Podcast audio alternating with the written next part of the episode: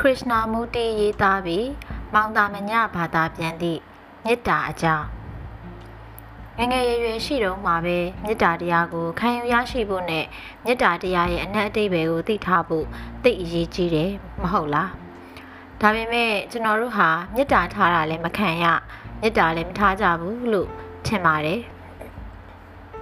ဒီပြဿနာကိုငငယ်ရွယ်ရွယ်ရှိနေတော့မှာပဲလေးလေးနက်နက်စူးစမ်းဆင်ခြင်ပြီးသဘောပေါက်နားလည်ဖို့အင်မတန်အရေးကြီးတယ်လို့ထင်ပါတယ်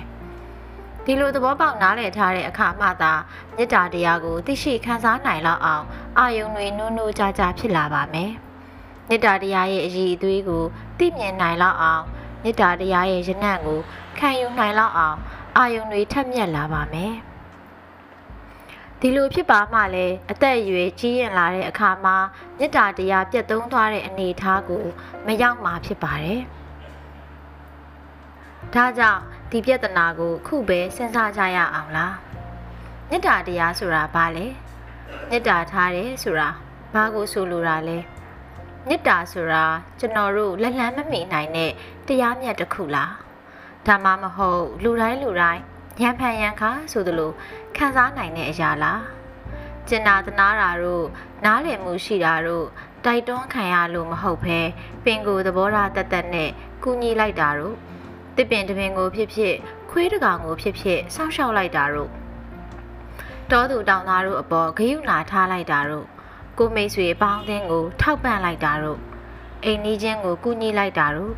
ဒါတွေဟာမေတ္တာတွေပဲမဟုတ်လား ဒေါသတွေအာဃာတတွေနဲ့မကြေမနက်ဖြစ်တာမျိုးမရှိပဲအစင်ထာဝရသီးခံခွင့်လွတ်တဲ့စိတ်မျိုးသာရှိနေတာဟာမေတ္တာပဲမဟုတ်လားဒီလိုမေတ္တာမျိုးကိုငယ်တုန်းရွယ်တုန်းမှာတင်ရရှိခံစားဖို့မဖြစ်နိုင်ဘူးလားတောသူတောင်သားတယောက်ကိုဖြစ်ဖြစ်ဆင်းရဲချို့တဲ့သူတယောက်ကိုဖြစ်ဖြစ်အားကိုးရမဲ့သူတယောက်ကိုဖြစ်ဖြစ်ညင်လိုက်ရတာနဲ့တပြိုင်နက်တနာတဲ့စိတ်တွေချက်ချင်းဖြစ်ပေါ်လာခဲ့တာမျိုးကိုငငယ်ကလေးကတွေ့ကြုံဘူးကြမှာပါ။ ဒီလိုစိတ်မျိုးကိုအမြဲတမ်းမွေးမြူထားဖို့မသင့်ဘူးလား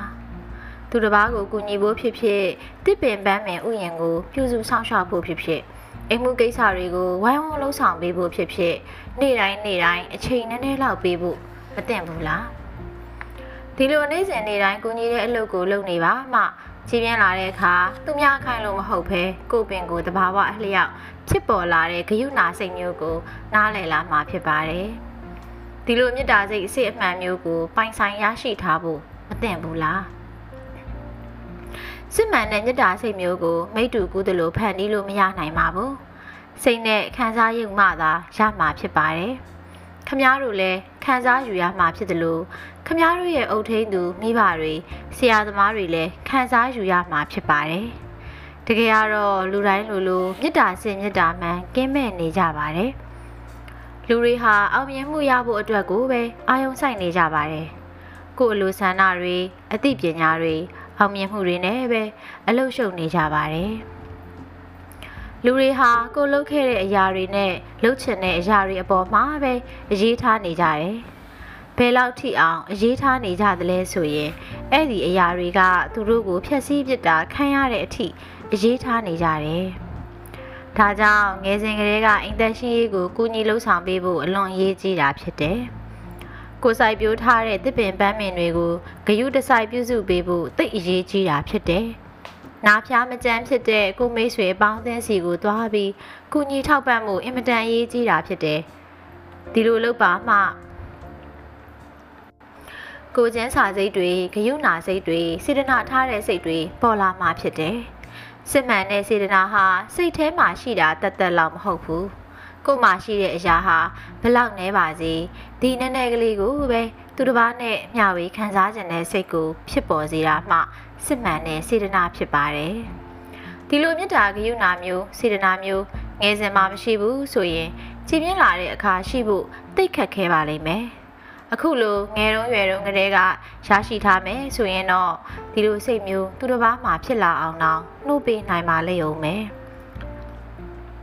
မေတ္တာဂရုဏာရှိဖို့အတွက်ကြောက်ရွံ့မှုတွေကင်းရှင်းဖို့လိုအပ်ပါတယ်ဒါပေမဲ့သိကြတဲ့အတိုင်းပဲဒီကဘာကြီးရဲ့အတွင်းမှာကြောင်ရွံ့မှုတွေကင်းရှင်းပြီးရှင်သန်ကြီးပြင်းမှုဆိုတာအလွန်ခက်ခဲလာပါတယ်လှုံ့ဆော်တိုက်တွန်းမှုတွေမရှိဘဲရှင်တန်ကြည်ပြင်းမှုဆိုတာအလွန်ခက်ခဲလာပါတယ် ကျွန်တော်တို့ထက်အသက်ကြီးတဲ့သူတွေဟာဒီကြောက်ရွံ့မှုပြဿနာကိုမစင်စားဘူးကြဘူးစဉ်းစားဘူးရင်လည်းလက်တွေ့မပါပဲစိတ်ကူးရင်ဘူးတာလောက်ပဲဖြစ်မယ်ခမများတို့ကတော့ငယ်ရွယ်နေတုန်းရှိပါသေးတယ်စောင့်ကြည့်နေကြတော့စူးစမ်းလေ့လာနေကြတော့သင်ယူနေကြတော့ရှိပါသေးတယ်ဒါပေမဲ့ကြောက်ရွံ့မှုကိုဖန်တီးတဲ့အရာကိုမမြင်ဘူးမသိဘူးနားမလဲဘူးဆိုရင်တော့အဲ့ဒီလူကြီးတွေလိုဖြစ်လာအောင်မှာပဲ ပုံရှိုးနေတဲ့ပေါင်းမြက်တွေအပြိုင်ရိုင်းပေါ်ထွက်လာသလိုကြောက်ရွံ့မှုတွေဟာလည်းကြီးထွားပြန့်နှံ့လာပြီးခမားတို့ရဲ့အသေးစိတ်ကိုကောက်ကွေးအောင်လိမ်ပစ်လိုက်မှာဖြစ်တယ်ဒါကြောင့်ခမားတို့အနေနဲ့ကိုယ့်ရဲ့အတွင်းအစ္စဒမှာရောအပြင်ဗဟိတမှာပါဖြစ်ပျက်နေတဲ့အရာရာတိုင်းကိုသတိထားနေရပါမယ်။ကိုဆရာသမားတွေရဲ့ပြောပုံဆိုပုံမိဘတွေရဲ့ပြုမှုလှုပ်ရှားပုံကိုယ့်ရဲ့တုံ့ပြန်ပုံဒါတွေအကုန်လုံးကိုသတိထားနေရပါမယ် ဘလောက်ထိအောင်သတိထားနေရမလဲဆိုရင်ကြောင်ရွံ့မှုပြဿနာကိုသိမြင်နားလည်လာတဲ့အထိသတိထားနေရပါမယ်အရွယ်ရောက်ပြီးကြတဲ့လူတိုင်းလူလူဟာတင်းကျပ်တဲ့စည်းကမ်းတစ်မျိုးတော့မရှိမဖြစ်လိုအပ်တယ်လို့ထင်နေကြပါတယ်တင်းကျပ်တဲ့စည်းကမ်းဆိုတာကိုခင်ဗျားတို့သိကြရဲ့လား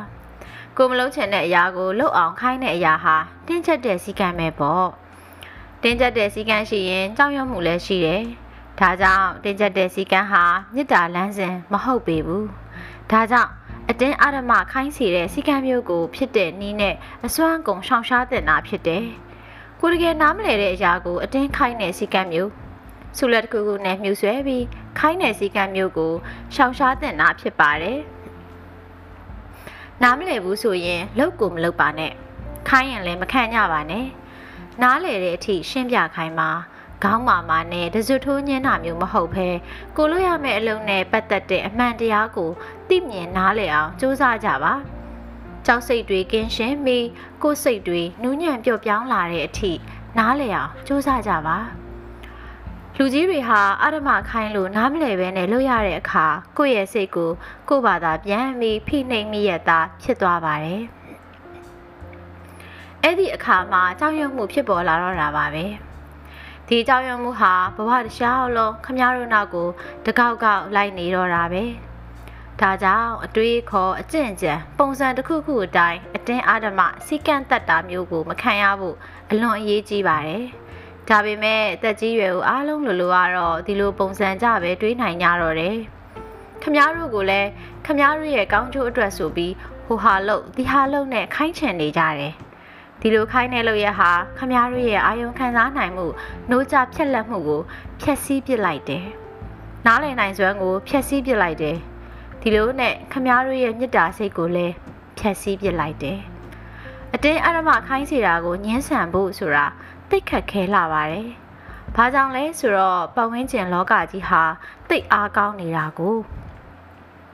ဒါပေမဲ့ခိုင်းတာကိုငုံခံပြီးနားမလဲပဲလှုပ်လိုက်မယ်ဆိုရင်မစင်စားမစင်ချင်တတ်တဲ့အလေးအကျင့်ကြီးတဲ့ကြတော့သွားပါလိမ့်မယ်။အဲ့ဒီအကျင့်ကြီးကိုဖြတ်တောက်ဖို့ကပိုပြီးခက်ခဲပါလေဦးမယ်။ဒါကြောင့်တင်းကျပ်တဲ့စည်းကမ်းဆိုတာမျိုးဟာရှိတင်သလား။ဒါမှမဟုတ်ပြဿနာတွေကိုဆွေးနွေးဝေဖန်ဖို့စူးစမ်းဆင်ခြင်ဖို့နဲ့နားလေသဘောပေါက်ဖို့အားပေးတာမျိုးပဲရှိတင်သလား အရွယ်ရောက်လို့လောကကြီးတွေဝင်ရတဲ့အခါမှာလောကရဲ့ပြဿနာတွေကိုအသိပညာရှိရှိနဲ့ရင်ဆိုင်နိုင်စွမ်းရှိတဲ့လူသားအရင်အမှာဖြစ်လာအောင်အထီးပေါ်လေဒါပေမဲ့ကြောက်ရွံ့မှုတစ်မျိုးမျိုးရှိနေရင်တော့ဒီလိုနှဆိုင်တဲ့အသိပညာမျိုးရရှိမှာမဟုတ်ဘူးကြောက်ရွံ့မှုဟာထုံထိုင်းသွားစေတယ်တွေးဝေသွားစေတယ်အမြော့အမြင်တို့အစွမ်းတက်တီတို့ကိုပိတ်ပင်ပစ်လိုက်တယ်